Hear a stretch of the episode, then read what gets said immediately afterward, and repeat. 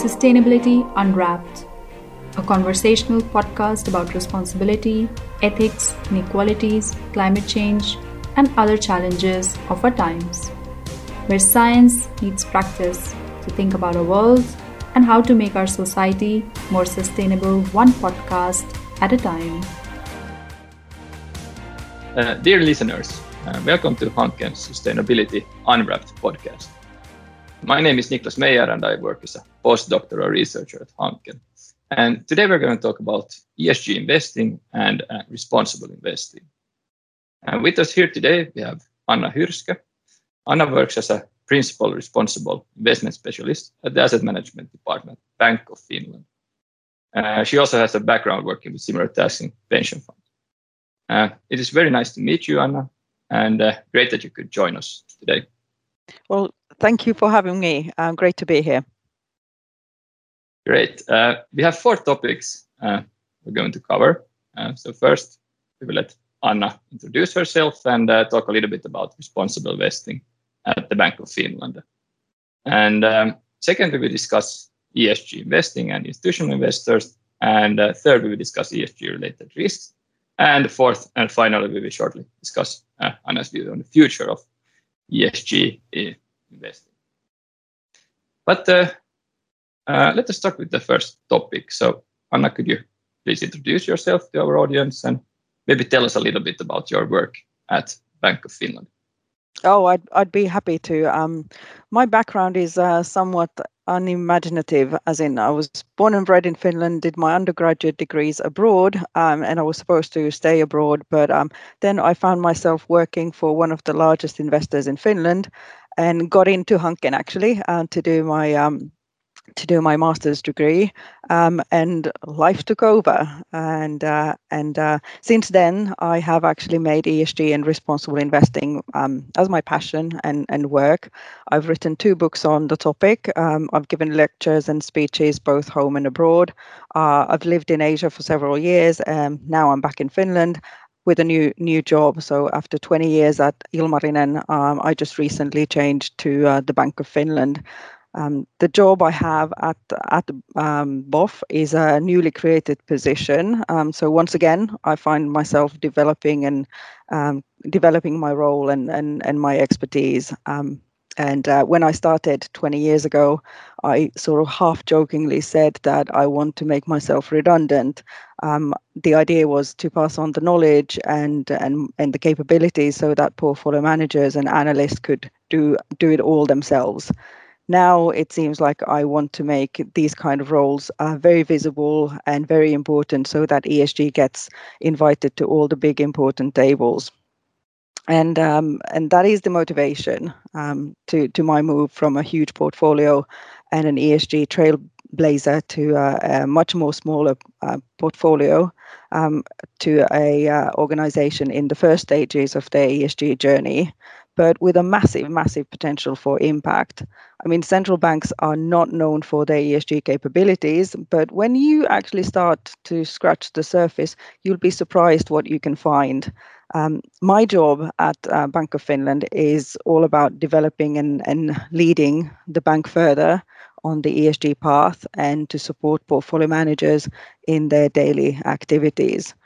It is also to work um, in uh, as a Bank of Finland representative in international working groups uh, to take ESG further. So very very interesting.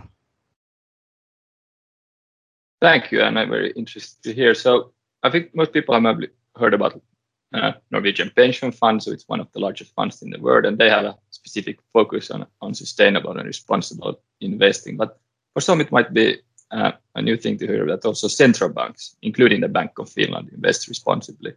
So, is it common for central banks to invest responsibly? And uh, this is a new thing for Bank of Finland, is it, or has it been around for a long time? Well, I mean, central banks are, are increasingly interested in responsible investment. Um, although there are only a few central banks that have signed the uh, UN backed principles for responsible investment, um, there are almost um, 80 full NGFS members. And NGFS is probably not very known entity to the listeners, but it is a uh, a uh, network for central banks and supervisors on on uh, making the system greener, um, bringing uh, ESG, especially the E part, into the um, the central bank and supervisors um, table. Uh, and proud to say that that the Bank of Finland um, belongs to both of these um, these organ uh, organizations to these groups. Um, this this when did BOF adopt the uh, responsible investment strategy is fairly new. So it happened a few years back, uh, and I, I hope many many more uh, more to come. Great, interesting to hear. So uh, can I ask you about uh, Bank of Finland specific uh, like responsible investment strategy? How do you actually implement it? Is it more like looking at ESG ratings when investing, or is it a focus more on like excluding companies in certain sectors maybe. Uh, or do you have some entirely different strategy? Well what is really kind of important is to understand that your responsible investment strategy depends on your overall investment strategy uh, so, so Bank of Finland does not invest directly into equities, for example. So, therefore, active ownership uh, is not as meaningful to perform in house as to some other investors who do a lot of uh, direct equity investing. Um, so, for for BOF, it's important um, to look at the uh, responsible investment activities um, that are related to externally managed portfolios when it comes to equities, for example. So, does the fund manager look, or how does the fund manager look at ESG? Um, how responsible is the fund manager in his own activities? How does the manager exercise its own ownership rights? Um, what kind of are, uh, responsible investment principles do they have, and how are they implemented in the product we are interested in investing in? So, this is kind of like just to, to give a flavor on on on why your investment style, why your investment strategy uh, actually leads you to choose what do you do from responsible investment um, perspective. So what we do then is we have uh, exclusions uh, and we have ESG classification in place. We do thematic investments, for example. Um, so so it is very common uh, for for investors to um, use mul- multiple approaches and different tools in order to to to show um, or get the benefits of ESG in the various asset classes they're invested in. Very interesting.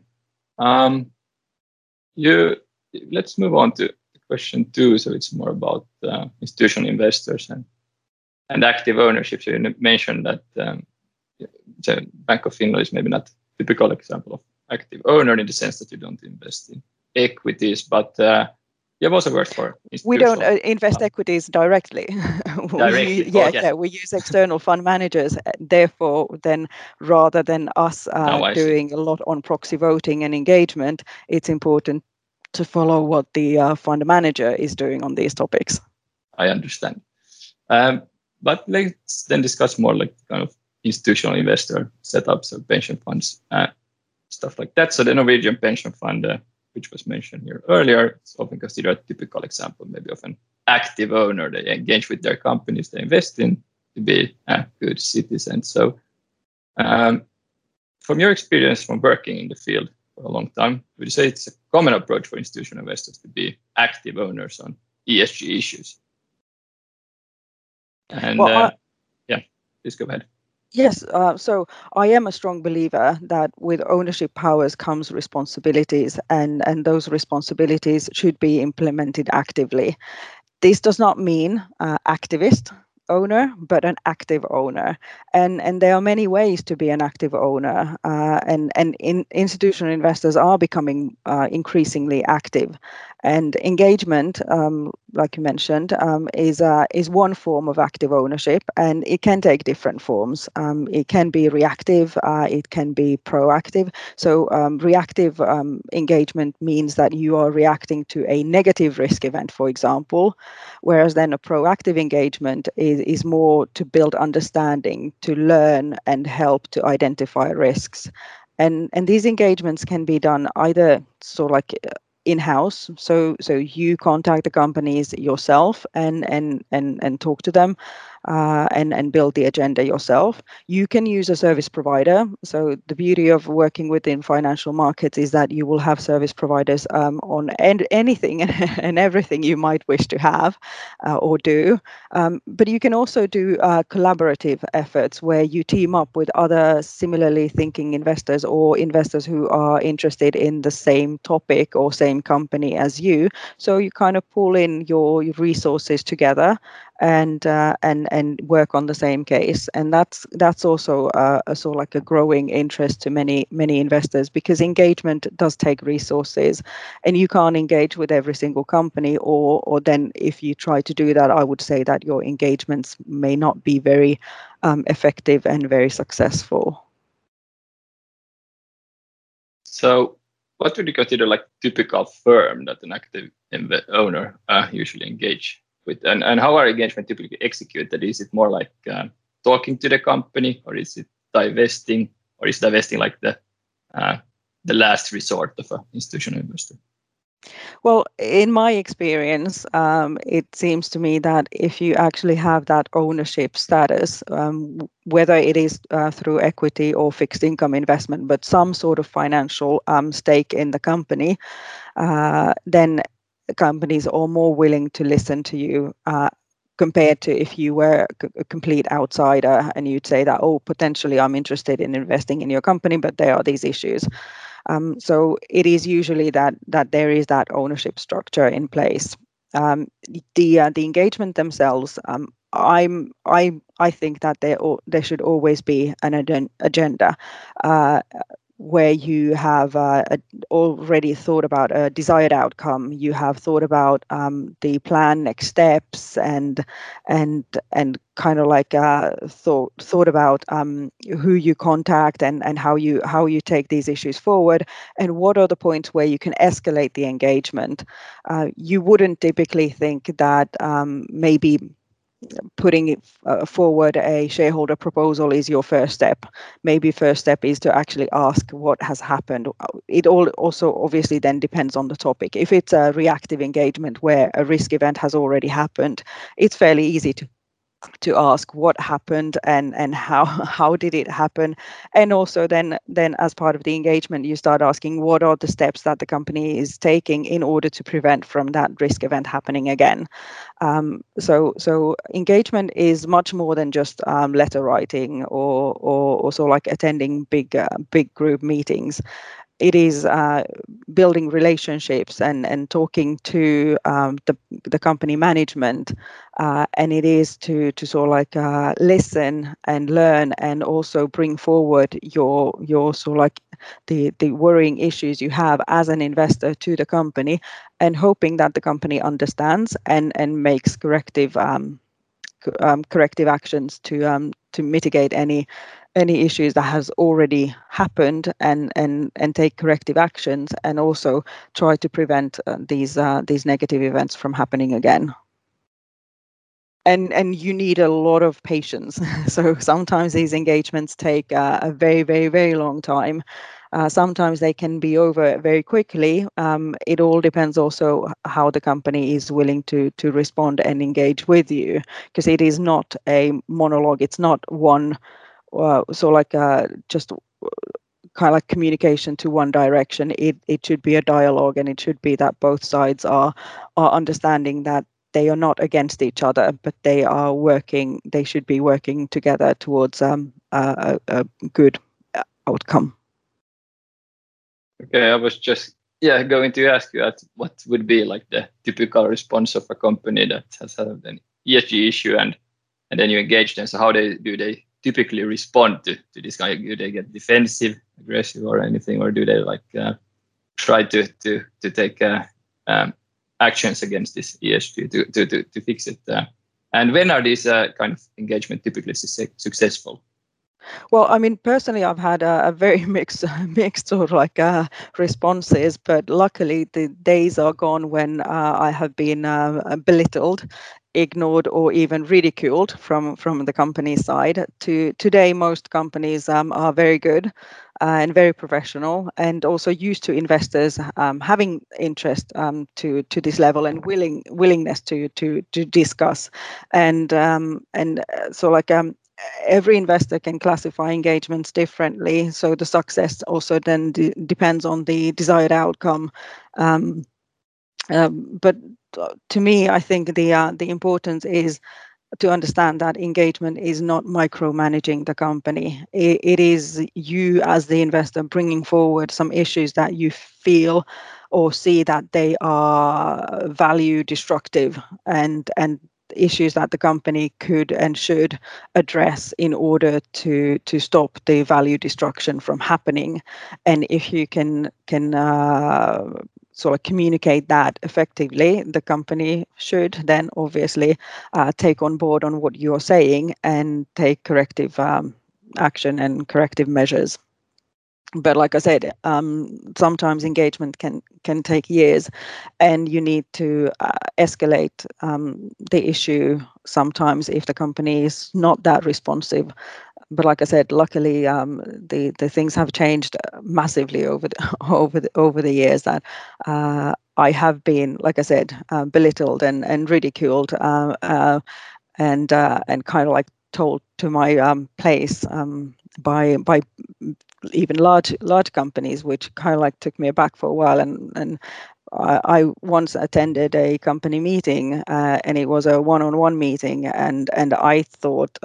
That the meeting would be over in a in a few minutes time because I was told all the topics that we're not going to discuss and they were the topics that we were supposed to discuss. In the end we went over time with the the company um, uh, senior manager and we discussed every single point that he told me before the meeting that we're definitely not going to discuss about. So so you never know. Eh, like i said it is also about relationship building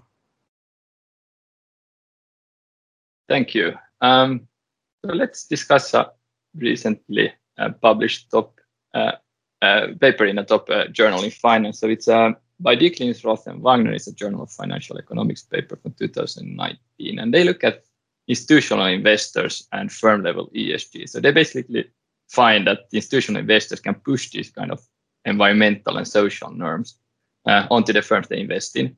So basically driving ESG level, firm level ESG. So, however, um, they document that the, this is only the case basically when an institutional investor comes from a country with a high ESG standards, as in a European country. And that's, for example, if the institutional uh, investor comes from a country which with, with low ES, uh, ESG standards, such as uh, maybe US, I think they mentioned. What's your take on this? Can institutional investors drive firm level ESG? And if so, would you agree with the notion that it appears to be mostly the European institutional investors do this? When you kind of like introduced this question, you um, you said push. Um, push um, the environmental and social norms onto the firms they invest in. I could kind of like um, um, say that you could um, instead of saying push, you steer and you communicate, uh, and and that does not mean micromanagement.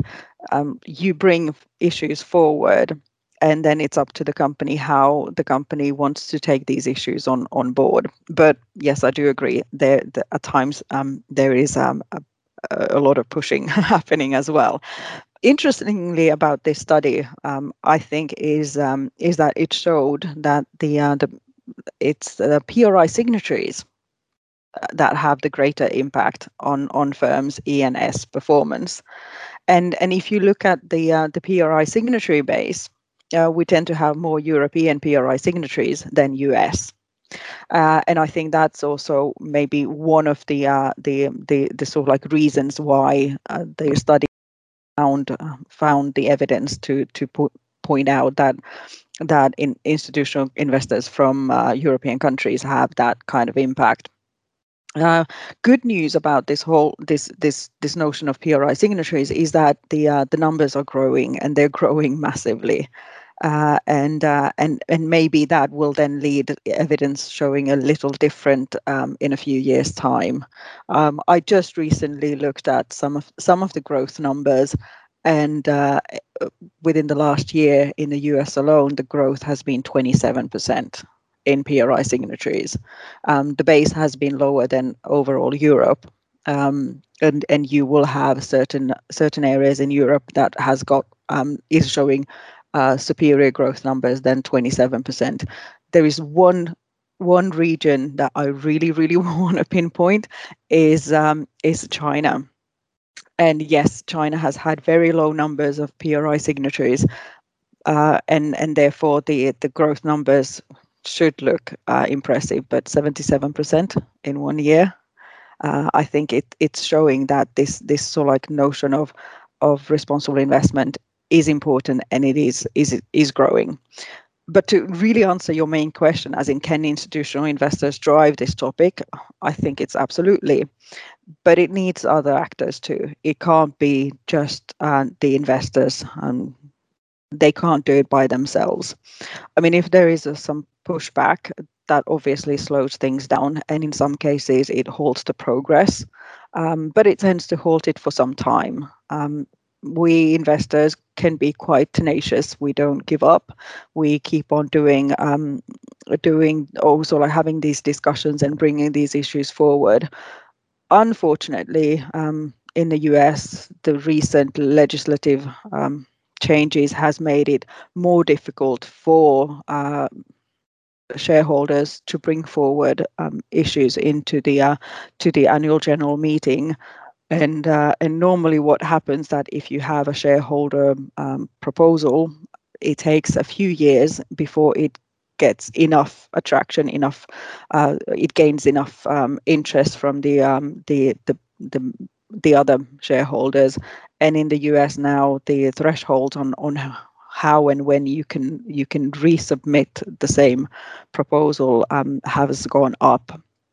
We don't know whether or not that is going to change with the new uh, new powers that are taking place but we work with what we have. Um, and and the good thing is more and more investors are looking into these topics. So maybe uh, going forward it will not take several years to bring issues forward but that happens quicker. Thank you anna. Very interesting take on the paper and and uh, on this topic. I think we're ready to move on to question three. So it's about ESG risks. And um, and um, so the world's largest asset manager, BlackRock, uh, there is stated in their annual letter 2020 that sustainability should be the new standard for investing.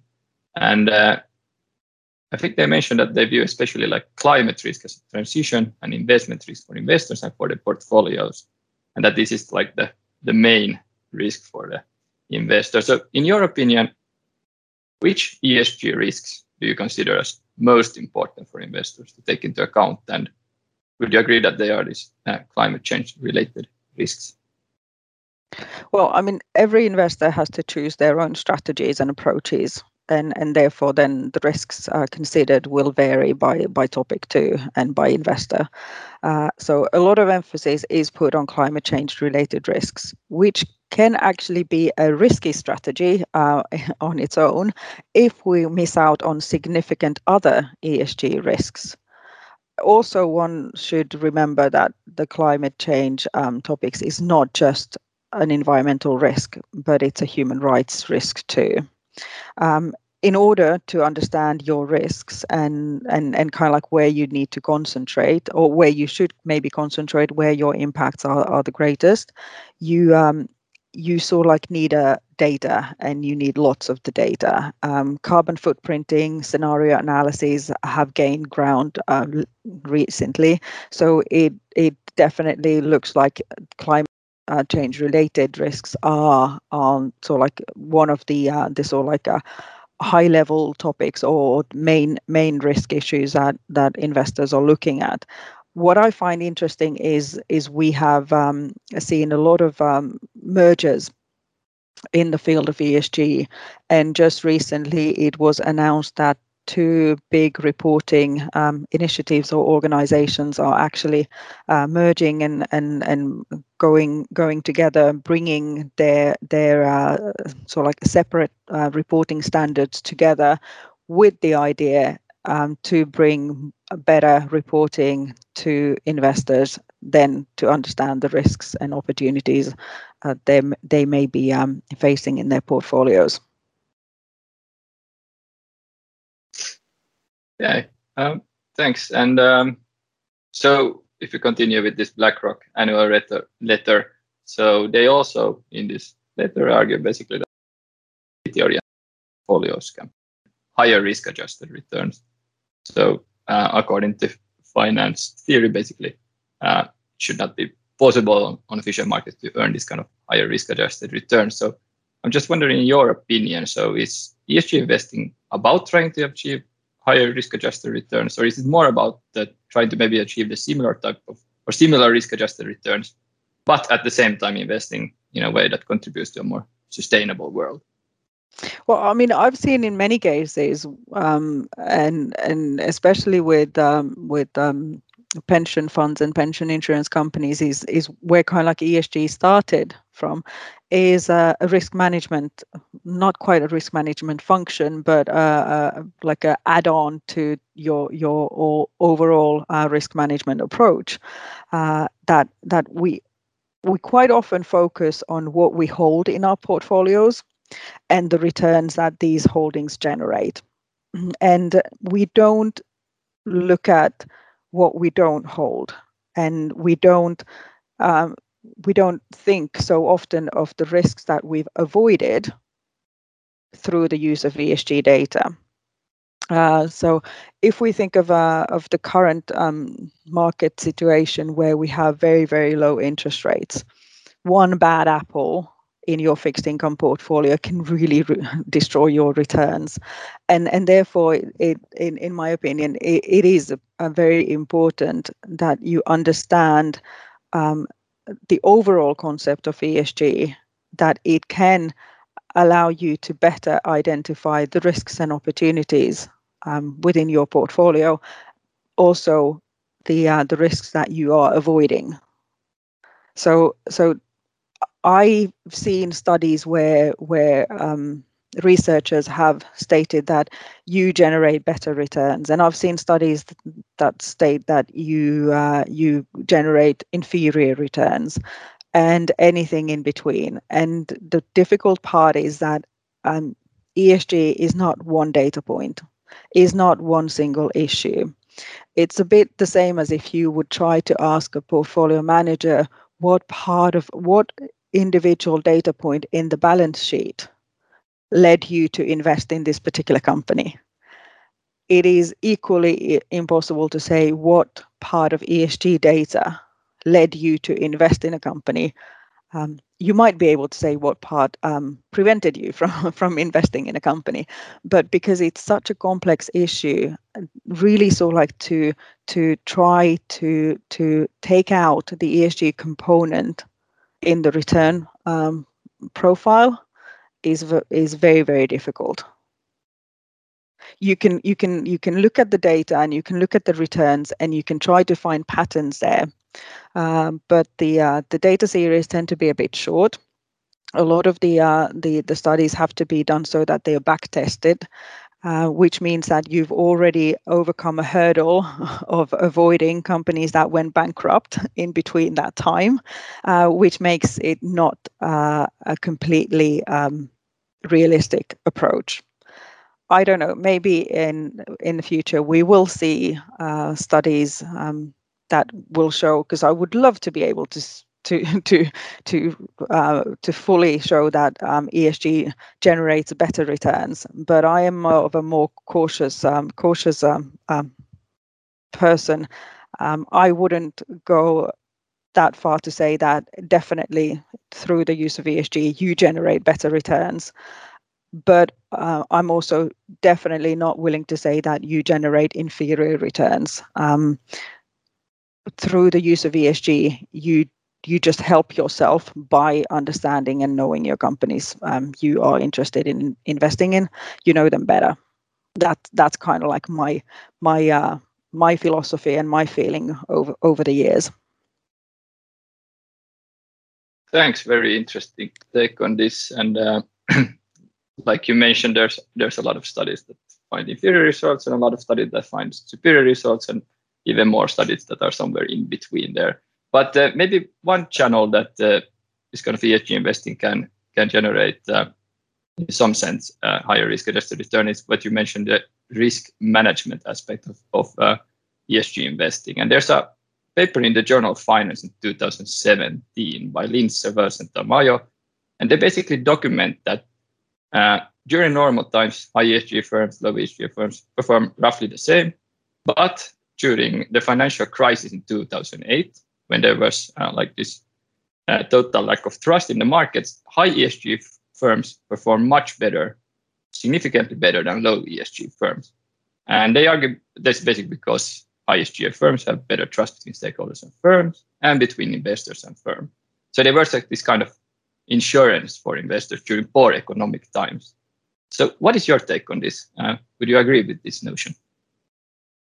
Well, I mean, we have seen similar rea- reactions this year, um, meaning that um, ESG investment products have had significant inflows and relatively um, uh, good performance compared to some more um, traditional products, um, if you say. And the trust that the researchers in this particular paper talk about, um, I think it's a really interesting notion people often think of investments being nothing but number crunching and computing data. It is that too, uh, don't get me wrong, but it's also about interpreting the numbers, interpreting the data, understanding the story behind the numbers and the data.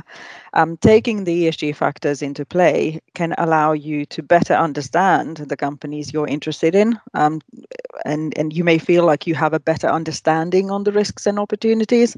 Um, you, you may think that you saw like a trust your method better because you take a more broader um, approach or broader view to your your potential investment investments.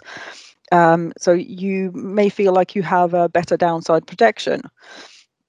What I think um, should be pointed out, though, that it is not just for poor economic times, but it is uh, equally relevant for for better economic times and, and in boom markets that you can use this um, this ESG uh, as a as a downside risk uh, factor.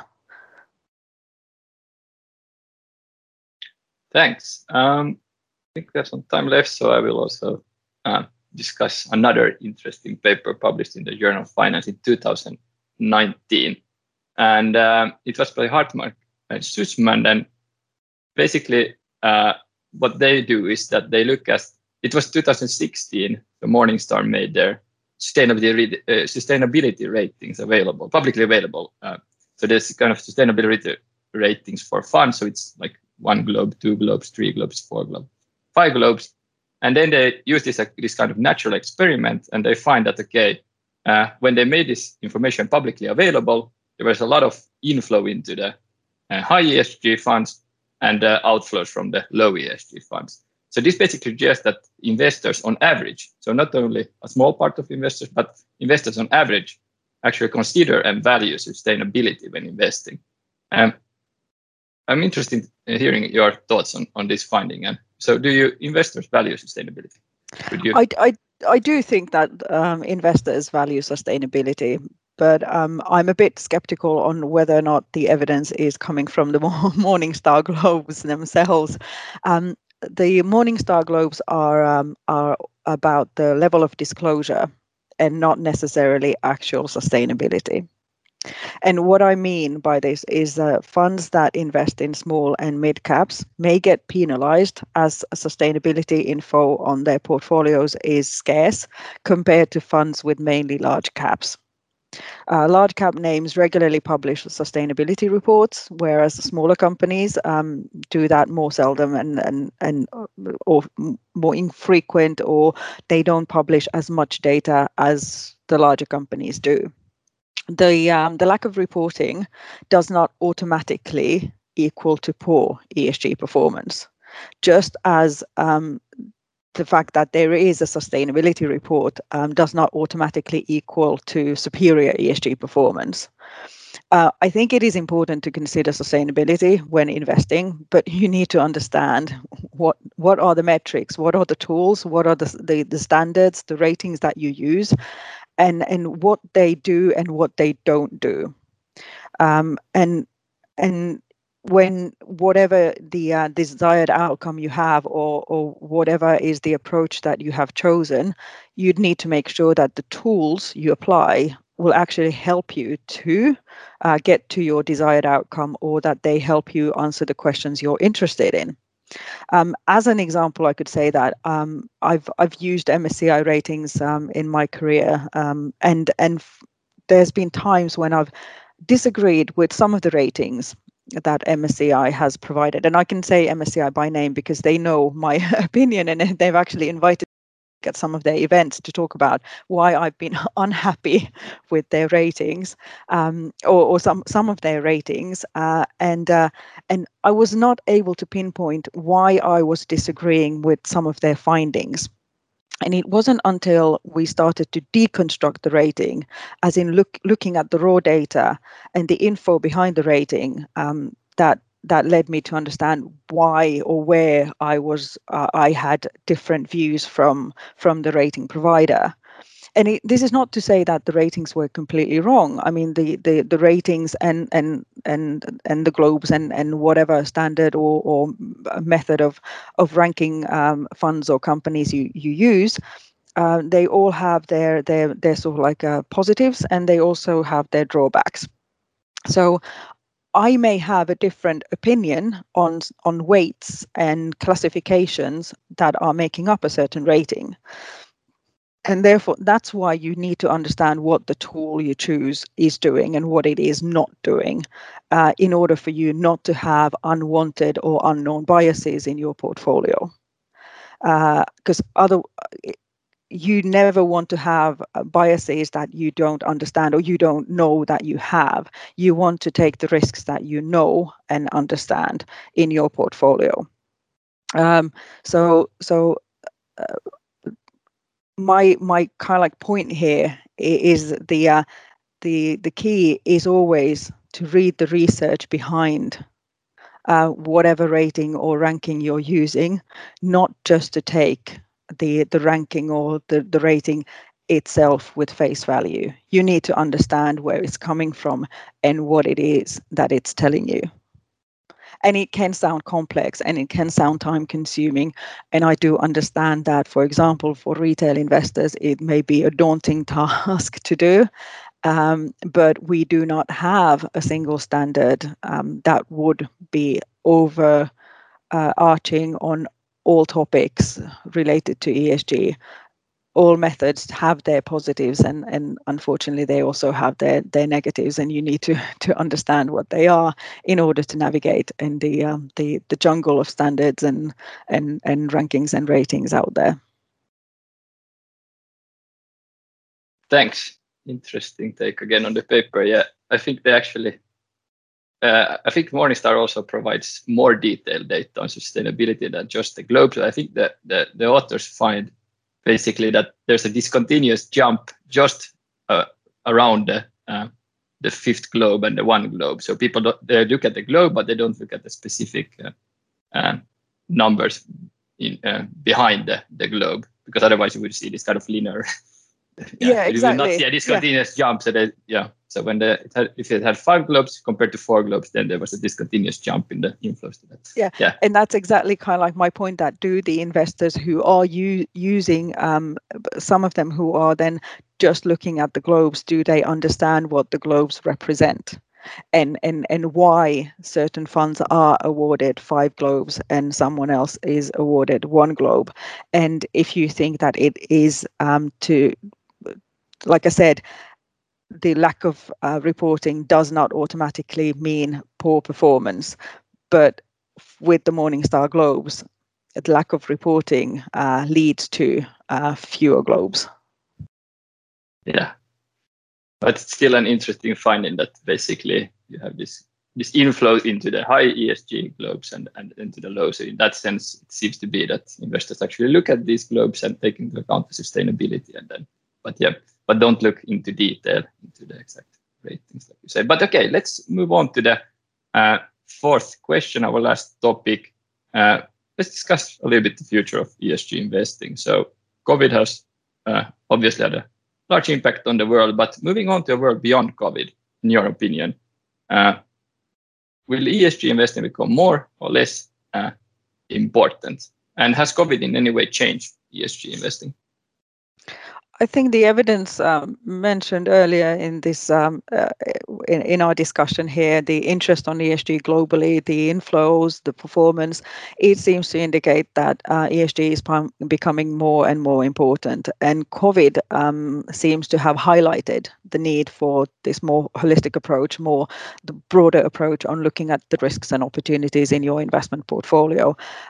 To really improve um, the un, your your understanding also on shocks and and and market reactions. So so uh, I do think that it has changed um, um, to to sort of like positively, if one can say, of a horrible um, horrible sort of like a thing like COVID having having sort of like a positive effect. But it it definitely has um, has um, sort of like highlighted the need uh, and and the desire investors to um, to to have a, um, a better understanding and, and and looking at ESG in a in a broader way. So you would say that ESG investing is here to stay. Well, I mean, I was debating that question with myself almost 20 years ago when I was uh, I was faced with a choice. So uh, I I mean, I started my ESG journey when I was a a credit analyst at Ilmarinen. And so I was analyzing industrial companies, manufacturers, and so on. And I, I realized that um, look, looking so like ESG topics um, was taking more and more of my time and I had less and less time to look at how the fixed income markets were were performing and and when you don't have that time you're not being a very good analyst so I had to choose do I go to be a full-time ESG specialist or should I remain as a credit analyst? And I trusted my gut feeling then, and I will trust my gut feeling even more confidently today. And I will say, absolutely, ESG is here to stay. We are heading towards an era where I think we will have nothing but ESG investing. Everything will be more or less ESG. It does not mean that we all invest in a similar fashion, in a similar style we will still have a multitude of approaches, uh, styles, and, and tools to choose from. Thank goodness for that, because otherwise it would be very, very boring if we all just um, do exactly the same. Uh, I do think that uh, in a in a few years' time, we will not be so much talking about responsible uh, responsible investments we will talk about investments, and that means it is done in a in a way where ESG um, issues are taken into consideration when making investment decisions. Yeah, I agree. It also seems to be that uh, finance academia is catching up on this, and you can see a lot more work being done on this, and and also a lot more good papers being published all the time in good journals. So seems to be a trend there also. Um, okay, I think we're ready to, to conclude. So um, many thanks, Anna, for taking the time to discuss these interesting topics with us and, and for sharing your thoughts on ESG investing. And maybe to conclude, could you provide your key takeaways on ESG and responsible investing? And uh, maybe also give some advice if there's any students, for example, listening into this, uh, interested in learning about uh, or working with ESG investing. Could you maybe give some advice to, to these students? What should they focus on? what should they focus on? Well, um, the uh, the kind of like one key takeaway uh, I would like people to understand is um, is when we talk about ESG, when we talk about responsible investment, in its simplest form, we're talking about good portfolio management. So there is really no reason for you not to use ESG, responsible investment uh, approaches in your overall investment strategy you do want to make uh, better investment decisions, and and I'm I'm I firmly believe that that in order for you to be better uh, at making these kind of um, decisions, you need to look at ESG. It doesn't mean that you look everything from A to Z.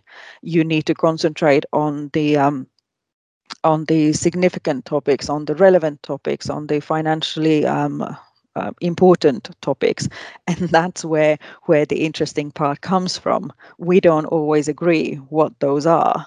We will have uh, different financial um, data providers and service providers and, and consultants who are saying that we should be looking at this, and someone else is saying that we should be looking at that and that's also the, the the beauty of of working in the financial markets is that that you have to uh, to sort of like um, make your own decisions on what you consider as being important what do you consider as being financially relevant and concentrate on those topics even though they may be different uh, from someone else's views so that's kind of my key takeaway is, is that this is good portfolio management, and that's the reason why why um, everyone should be looking at ESG issues. On the advice side, uh, happy to say that ESG actually seems to be uh, one of the most resilient jobs in financial markets at the moment. So not a bad career choice to um, to to pursue. Although I have to say that I may be a bit biased on on this one, but Financial Times did did uh, do an article um, uh, some time ago where they had studied the different jobs within the financial markets, and and they, according to to this study, they found that yes, ESG and responsible investment related jobs actually were ones where, that were growing in the market and were not as um, as uh, uh, as sort of like um, risky in in job security um, than than some other other jobs within the financial markets. If you're interested in this topic, um, the kind of way to go forward is to to read, to learn, to listen, to attend seminars. Well, web, webinars now because no one can do seminars, but but hopefully someday uh, we'll get to the seminar part as well. Um, the events, uh, etc to learn more and know more, um, be active in finding trainee, summer trainee positions, and and and so on. Um, and um, I mean, sometimes I feel like I got onto this journey by accident, but in reality, I, I'd say that if it hadn't happened the way it did happen, it would have happened some other way. If you have the passion or you have the drive for it, uh, you tend to create the possibilities for you uh, in order to achieve um, what you want to achieve. So just be resilient and and and like I said, uh, attend events and, and seminars and webinars and and read and and kind of like get to know the network and and and that's one of one way to um to go forward and and find the the perfect job.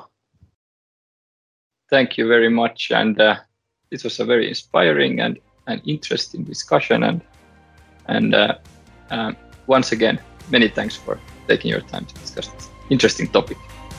Well thank you for having me. It was a it was a great uh, great pleasure to uh, to have this discussion with you today